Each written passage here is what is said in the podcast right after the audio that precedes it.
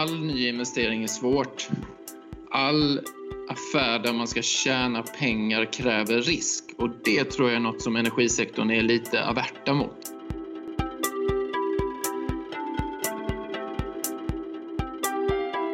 Hej och riktigt varmt välkommen till podden Framtidskraft. Den här gången från hängmattan eller stranden eller varför inte på fjällvandringen för jag tänker mig att du kanske har semester nu. Och vad kan väl inte passa bättre då än en glimt av framtiden? Det är ju det som den här podden Framtidskraft vill inspirera till. Och jag heter Karin Bodén och jag finns på Jämtkraft och med mig har jag också producent Daniel Lövstedt. Hallå Daniel! Hallå där! Är du i hängmattan? Hänger du där? Nej, nej, inte än, men jag hoppas att det inte är allt för långt borta. Ja, kanske ska säga att du sitter i Stockholm och jag sitter i Östersund, det är därför jag inte ser dig just nu. Ja, precis. Så jag kanske hänger i hängmattan ändå då. ja. Du, eh, i det här avsnittet så eh, ska vi ta hjälp av Almi Invest för att se in lite grann i glaskulan. Mm. Det är ju ett eh, statligt ägt bolag som ska se till att vi får fler tillväxtföretag i Sverige. De ska helt enkelt se till att startups som har god potential får möjlighet till finansiering så de klarar av det där kritiska steget när de ska nå ut till marknaden för att sen lyfta mer av egen kraft. Mm, precis. Och Almi Invest de har en sån här eh, greentech-fond såklart som ska mm. göra investeringar i innovativa startups som har stor potential att minska klimatgaserna. Och den fonden den har inte mindre än 650 miljoner kronor att fördela. Och mm. det är ju spännande. Ja, här kan det ju finnas vissa antydningar och kanske ännu mer än bara det av mm. framtiden. Hur resonerar de som ska hitta de bolag som har potential inom framtidens green tech och vilka är bolagen? Mm. Och så träffar de ju såklart en massa olika företag och utifrån det, vilka övergripande mönster ser de? Vilka trender är det som kommer att påverka oss? Marcus Högfeldt, han har det övergripande ansvaret för det här teamet och investeringarna inom Almi Invests Greentech-fond. Och vi börjar med att fråga honom hur coronatiderna påverkar investeringarna. Det är mer osäkerhet ehm, och vi som Almi Invest eh, kommer mer till vår rätt så vi investerar mer aktivt i de här faserna vi skapades i förra lågkonjunkturen. Och ehm, det man kan säga är väl att eh, kapitalet har blivit lite försiktigare och ser mer till sin egen portfölj först. Men det har inte helt försvunnit och den effekten var ganska kortsiktig. Där man kanske ser en mer ovilja att investera eller lite mer, det är eh, affärsänglar lite mindre och eh, lite tidigare faser så är det svårare att få loss den typen av pengar. Och de här bolagen som du är investerare i då, de här innovativa bolagen inom energi och miljö, har de också påverkats finansiellt av coronakrisen? Ja, vi gör ju inte bara energi och miljö, det är en viktig del av det vi gör, men vi gör allt som är ehm, eh, klimatgasreducerande. Det finns även jordbruk, det finns cirkulära kretslopp, det finns digitala modeller där också, så att, eh, vattenbesparing, det finns många mer än energi, men energi och, eh, en, är ju en stor del. Och eh, ja, både och. Flera av de bolag vi har har tagit in rundor eller är inte så utsatta för de här alltså, vad ska man säga, konsumentnära tjänsterna eller events eller flyg och så. Det, det, har inte varit så påtagligt i de vi har sett. Man kanske har lite längre cykler så att om inte krisen håller i sig allt för länge att man liksom lyckas överbrygga den.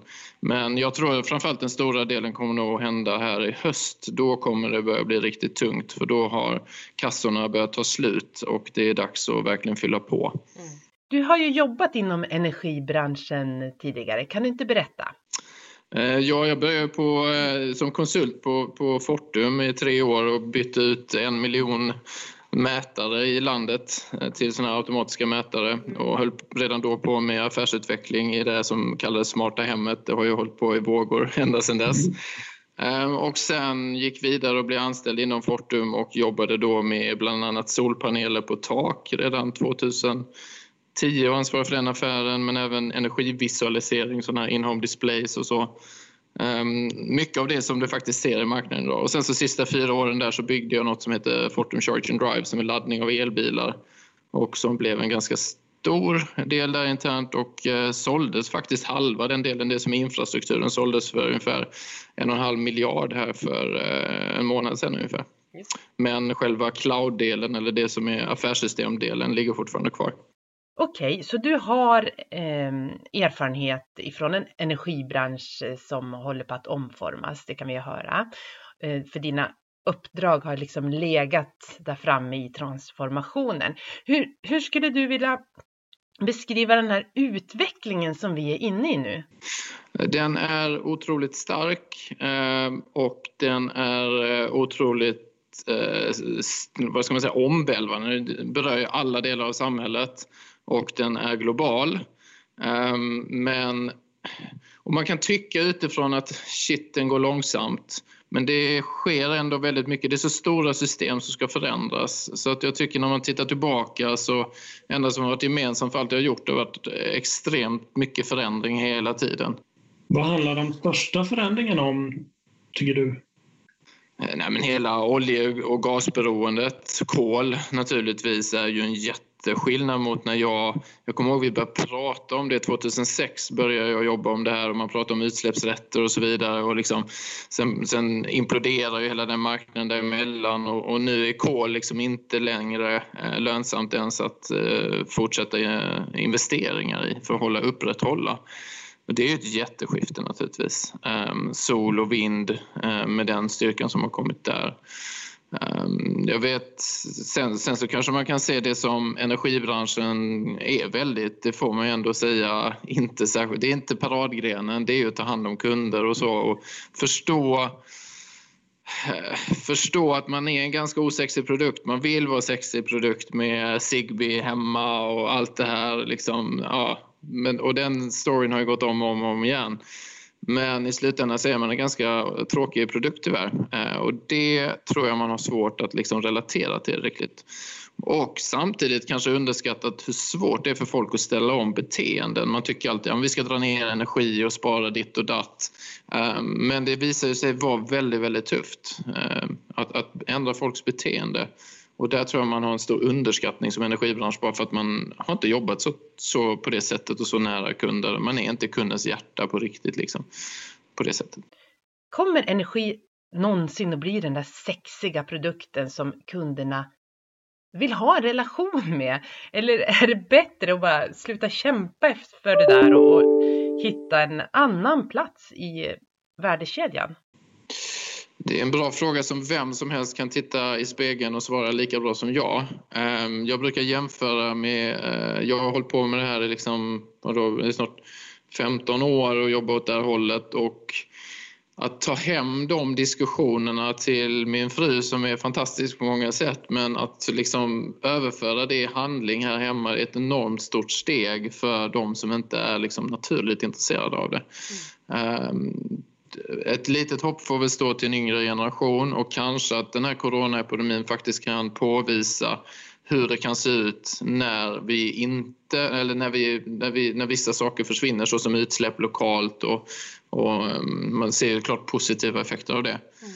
Kanske där någonstans att det finns lite, men jag är faktiskt väldigt tveksam att det skulle bli en, en högintresseprodukt någon gång så som Netflix eller eh, de här typen av tjänster, det är som du betalar ganska höga premium. Eller liksom, och det är också en intressant parallell, bilbranschen som är inne i elektrifieringen som har varit tagit extremt fina premiemarginaler för sitt märke. Liksom. Um, vart tar de vägen nu då när, när um, det är så stor uh, skifte till elektrifiering helt enkelt? Men, men, hur ska energisektorn förhålla sig till sin produkt då? Var, hur ska man navigera här och ta vara på, på den potential som finns och vara med i förändringen? Ja, men jag tror man ska samtidigt kanske göra det som man... Eh, det finns ju någonstans i grunden om du tittar på var energi kom ifrån. Vi byggde stora vattenkraftverk, vi byggde stora transmissionsnät, vi byggde kärnkraftverk. Um, och det, vi går ju visserligen mot ett mer distribuerat eh, energisystem men det är fortfarande väldigt stora kapitalplaceringar, väldigt stora materialflöden, även solpaneler, vind, liksom, storskalfördelarna är där fast på annorlunda sätt lite grann.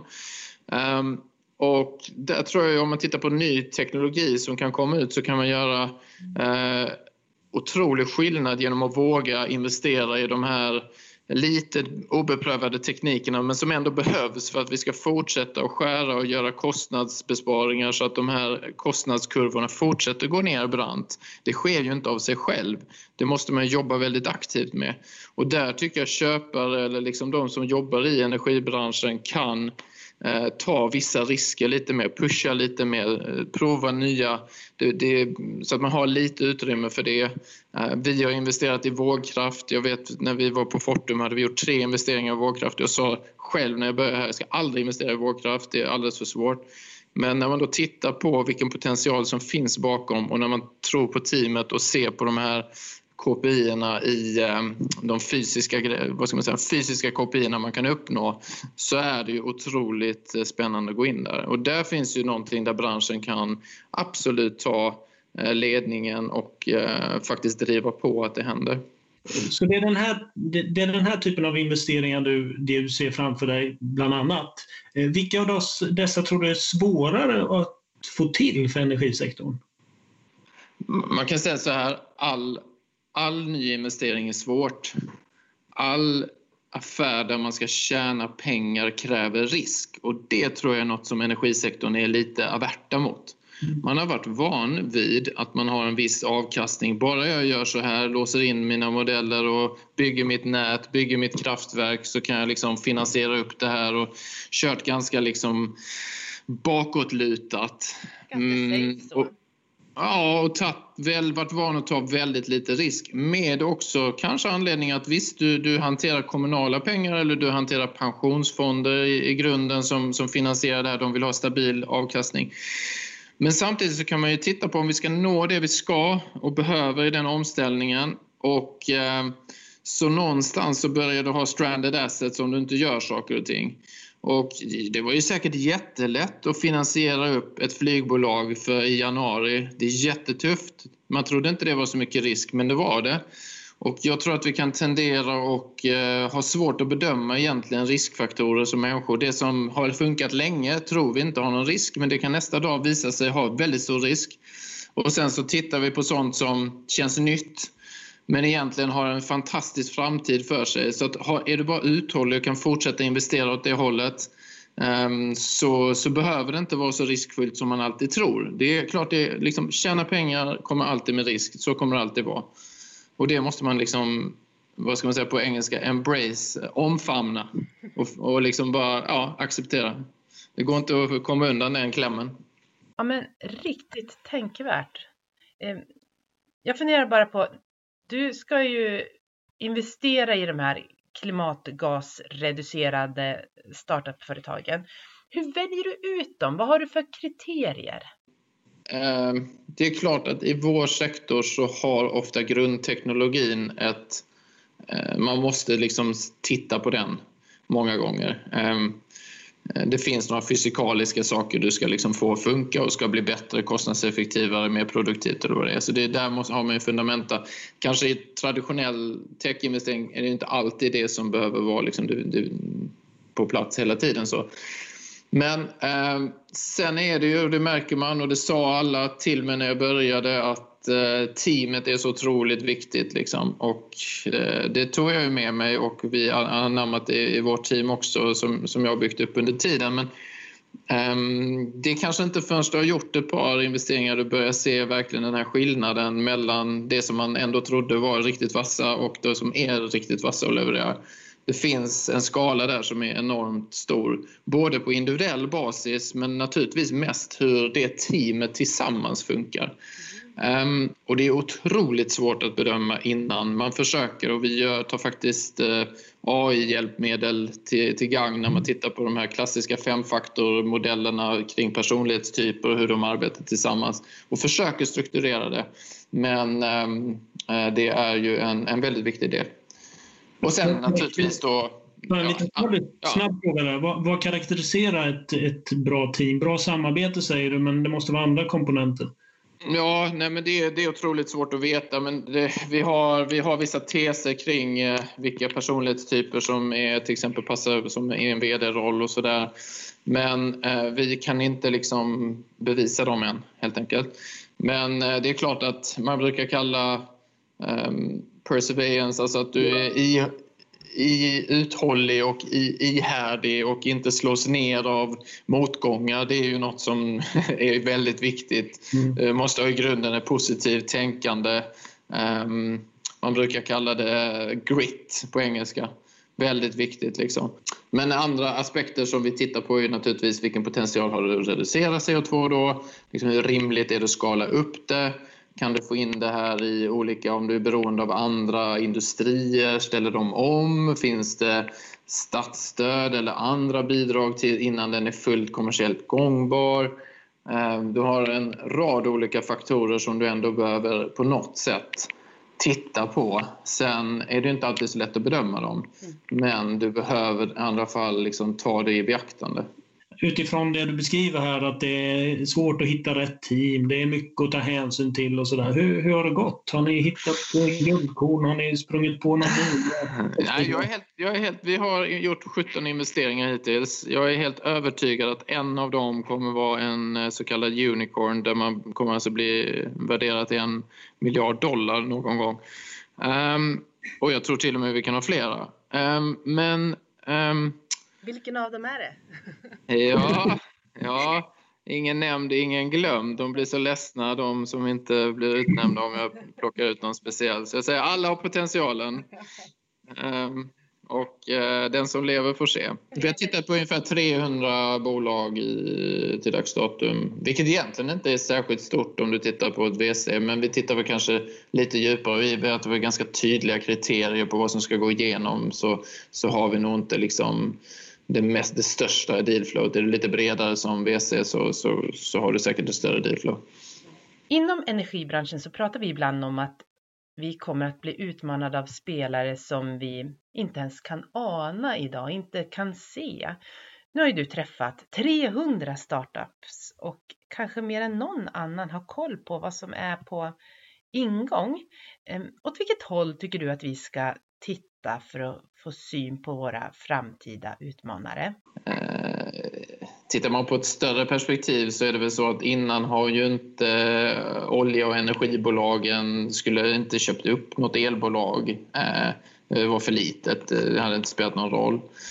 Nu är ju balansräkningar börjar närma varandra och vinsterna börjar bli rätt intressant, eh, liknande stora. Så att, att man skulle se en konsolidering där eh, olja och gasbolag går in och köper upp större energibolag är nog inte eh, helt bortanför eh, rimligheten, tänker jag då. Det bör hända. Um, plus också att elektrifieringen är så starkt drivande, det, det fattar ju de också. Um, det, det kommer nog hända. Men det är ju lite större perspektivet. Om man tittar andra så... Ja, jag vet inte.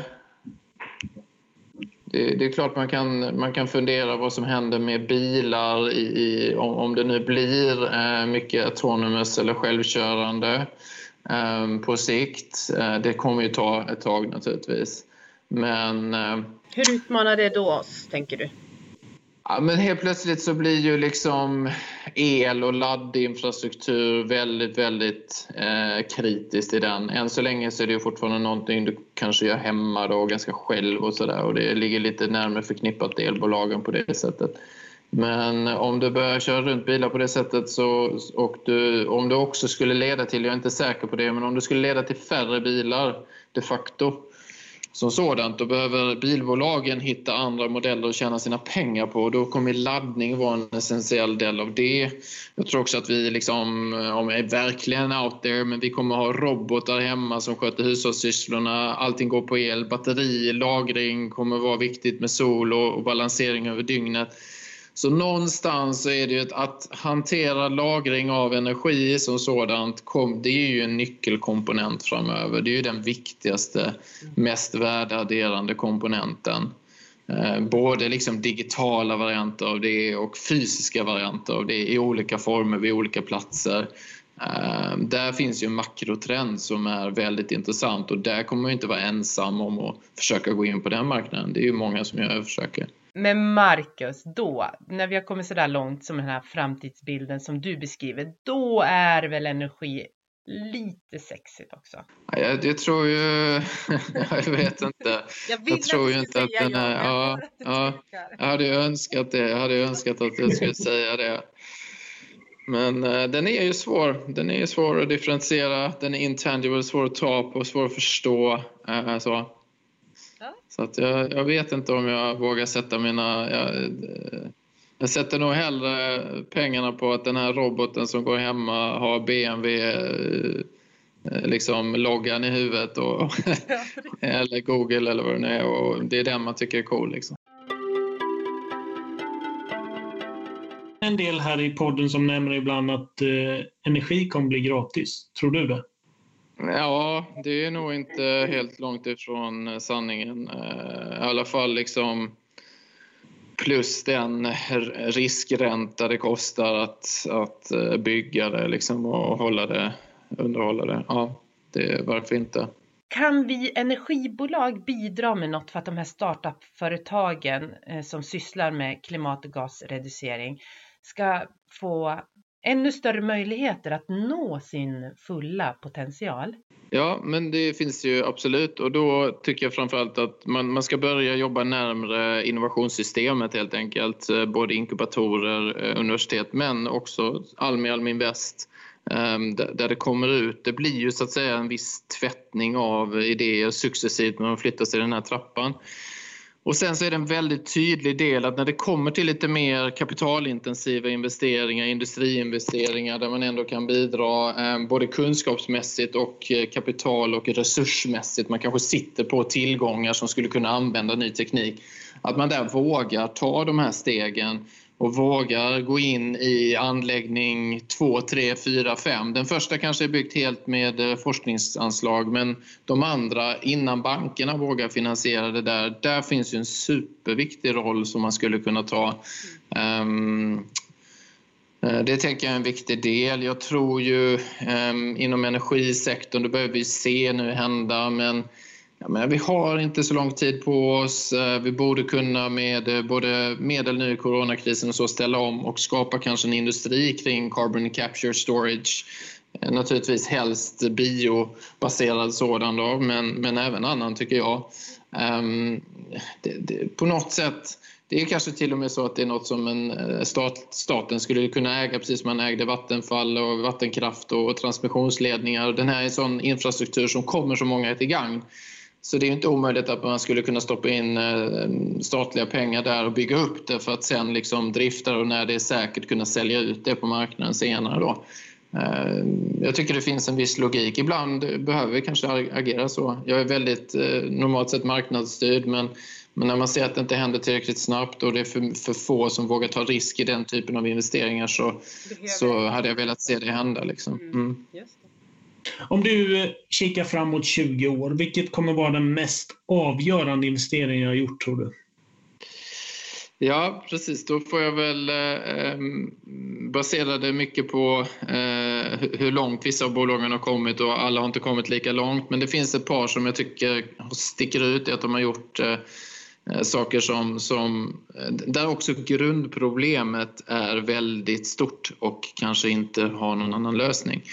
Och en sån är faktiskt den första investeringen vi gjorde i Sea Green Technologies, ehm, C-Green Technologies.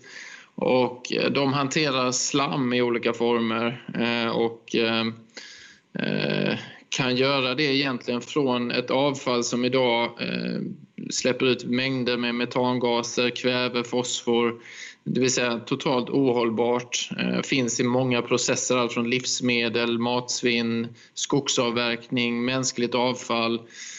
Ehm, och det kan de egentligen göra till ett absolut helt rent biokol som har gått igenom en förbränningsprocess, extremt energieffektivt. Ehm, grundtekniken bakom fick Nobelpriset på 60-talet så det säger inte nytt men att göra det så kompakt och energieffektivt som vi gör det har inte gjorts tidigare. Mm. Och ehm, det där är ju så pass globalt problem. Eh, det kostar idag ja, mellan 1000 och 2000 kronor att bli av per ton att bli av med slam och då dumpas det bara någonstans.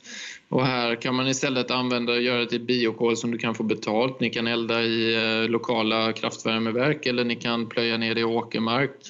Och eftersom det har förbränts så tar du bort alla liksom, eh, DNA till och med i virus, alltså du är totalt sterilt när det kommer ut. Och det är också sånt som kanske får ännu mer uppmärksamhet i och med corona och den typen av pandemi vi är igenom. Det är väl ett som jag tycker sticker ut. Eh, jag nämnde Core Power Ocean innan, eller vågkraftsbolaget som, som potentiellt sett, liksom, når man hela vägen där så, så kan du ha en disruptiv eller otroligt kompletterande potential till sol och vind. Ehm, jag tycker de två sticker ut i att eh, magnituden kan bli så otroligt stor. Um, det finns en potential där som är enorm. Ja.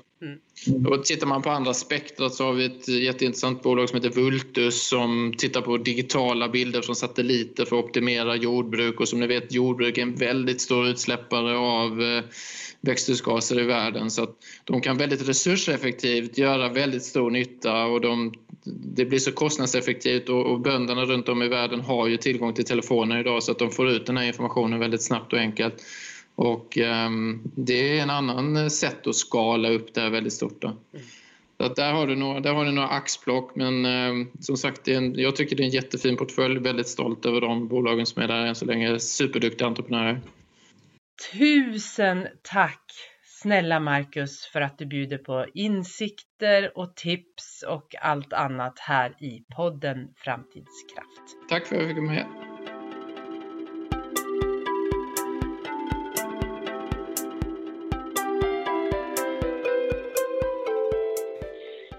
Så långt Marcus Högfeldt alltså. Mm. Va, vad tänker du Daniel efter samtalet? att eh, det är tydliga beskrivningar av energisektorn som kanske behövs. Energisektorns paradgren är inte att ta hand om kunder.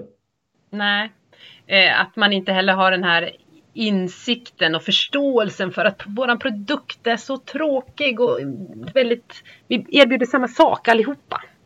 Det, mm. känns ju lite... Det... Ingen, ingen Netflix där inte. Nej, precis. Så inspirerande men, är vi inte än, men vi kanske blir. Kanske blir, men han pekar ju ändå på andra vägar där kanske energisektorn ska satsa då istället. Och det är kanske rätt tänkt, vem vet? Men jag eh, tänker också på det här med eh, risk och att vi måste ha en ny syn på våran risk. Han säger att energisektorn inte riktigt har modet att ta den här risken där inte, inte där där inte den höga avkastningen är given. Mm. Då blir man lite sådär, hmm, kan det här vara pudens kärna på något sätt? Är det här det avgörs vart energisektorn tar vägen? Finns inte det där drivet och det där modet att verkligen satsa i de här investeringarna som krävs? Mm. Ja, men då, då känns ju utgången alldeles för mörk och given. Mm. Eller kan det vara så att man behöver två olika strategier för risk? En som hanterar det här trögrörliga, det här strukturella infrastrukturen, eh, mm. den mm. typen mm. av risk och en annan riskstrategi för när man vill ligga längst fram och eh, snabbt utveckla nya tjänster emot kunder och ha ett fräscht kundgränssnitt. Kan det vara så vi ska tänka? Ja, det är nog inte alls omöjligt. Det som till syvende och sist avgör, avgör är ju om man får avkastning. Mm. Och ska man få riktig avkastning, precis som Marcus säger och han som kan det här, då måste man våga. Mm. Annars, ser man inga, annars får man inga nya pengar. Det går inte att luta sig tillbaka och bara satsa på de trygga investeringarna som man känner och som man kan.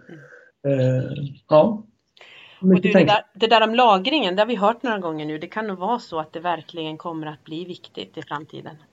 Ja, så är det nog. Det är, eh, eller så är det nog, så är det ju. Mm. Och här, när han väl har konstaterat det så säger han ja, och här är det fler som vill in.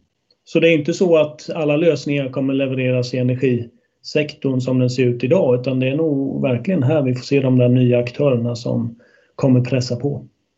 Ja, vi har en spännande framtid till mötes. Efter det här avsnittet tänker i alla fall jag ta semester. Hur är det med dig Daniel? Det tänker jag definitivt göra och eh, spänna upp den där hängmattan. Ja, då, gör då lämnar vi lyssnarna där och tackar så otroligt mycket för att ni har hängt med oss hela våren. På återseende till hösten. Hej då! Hej då!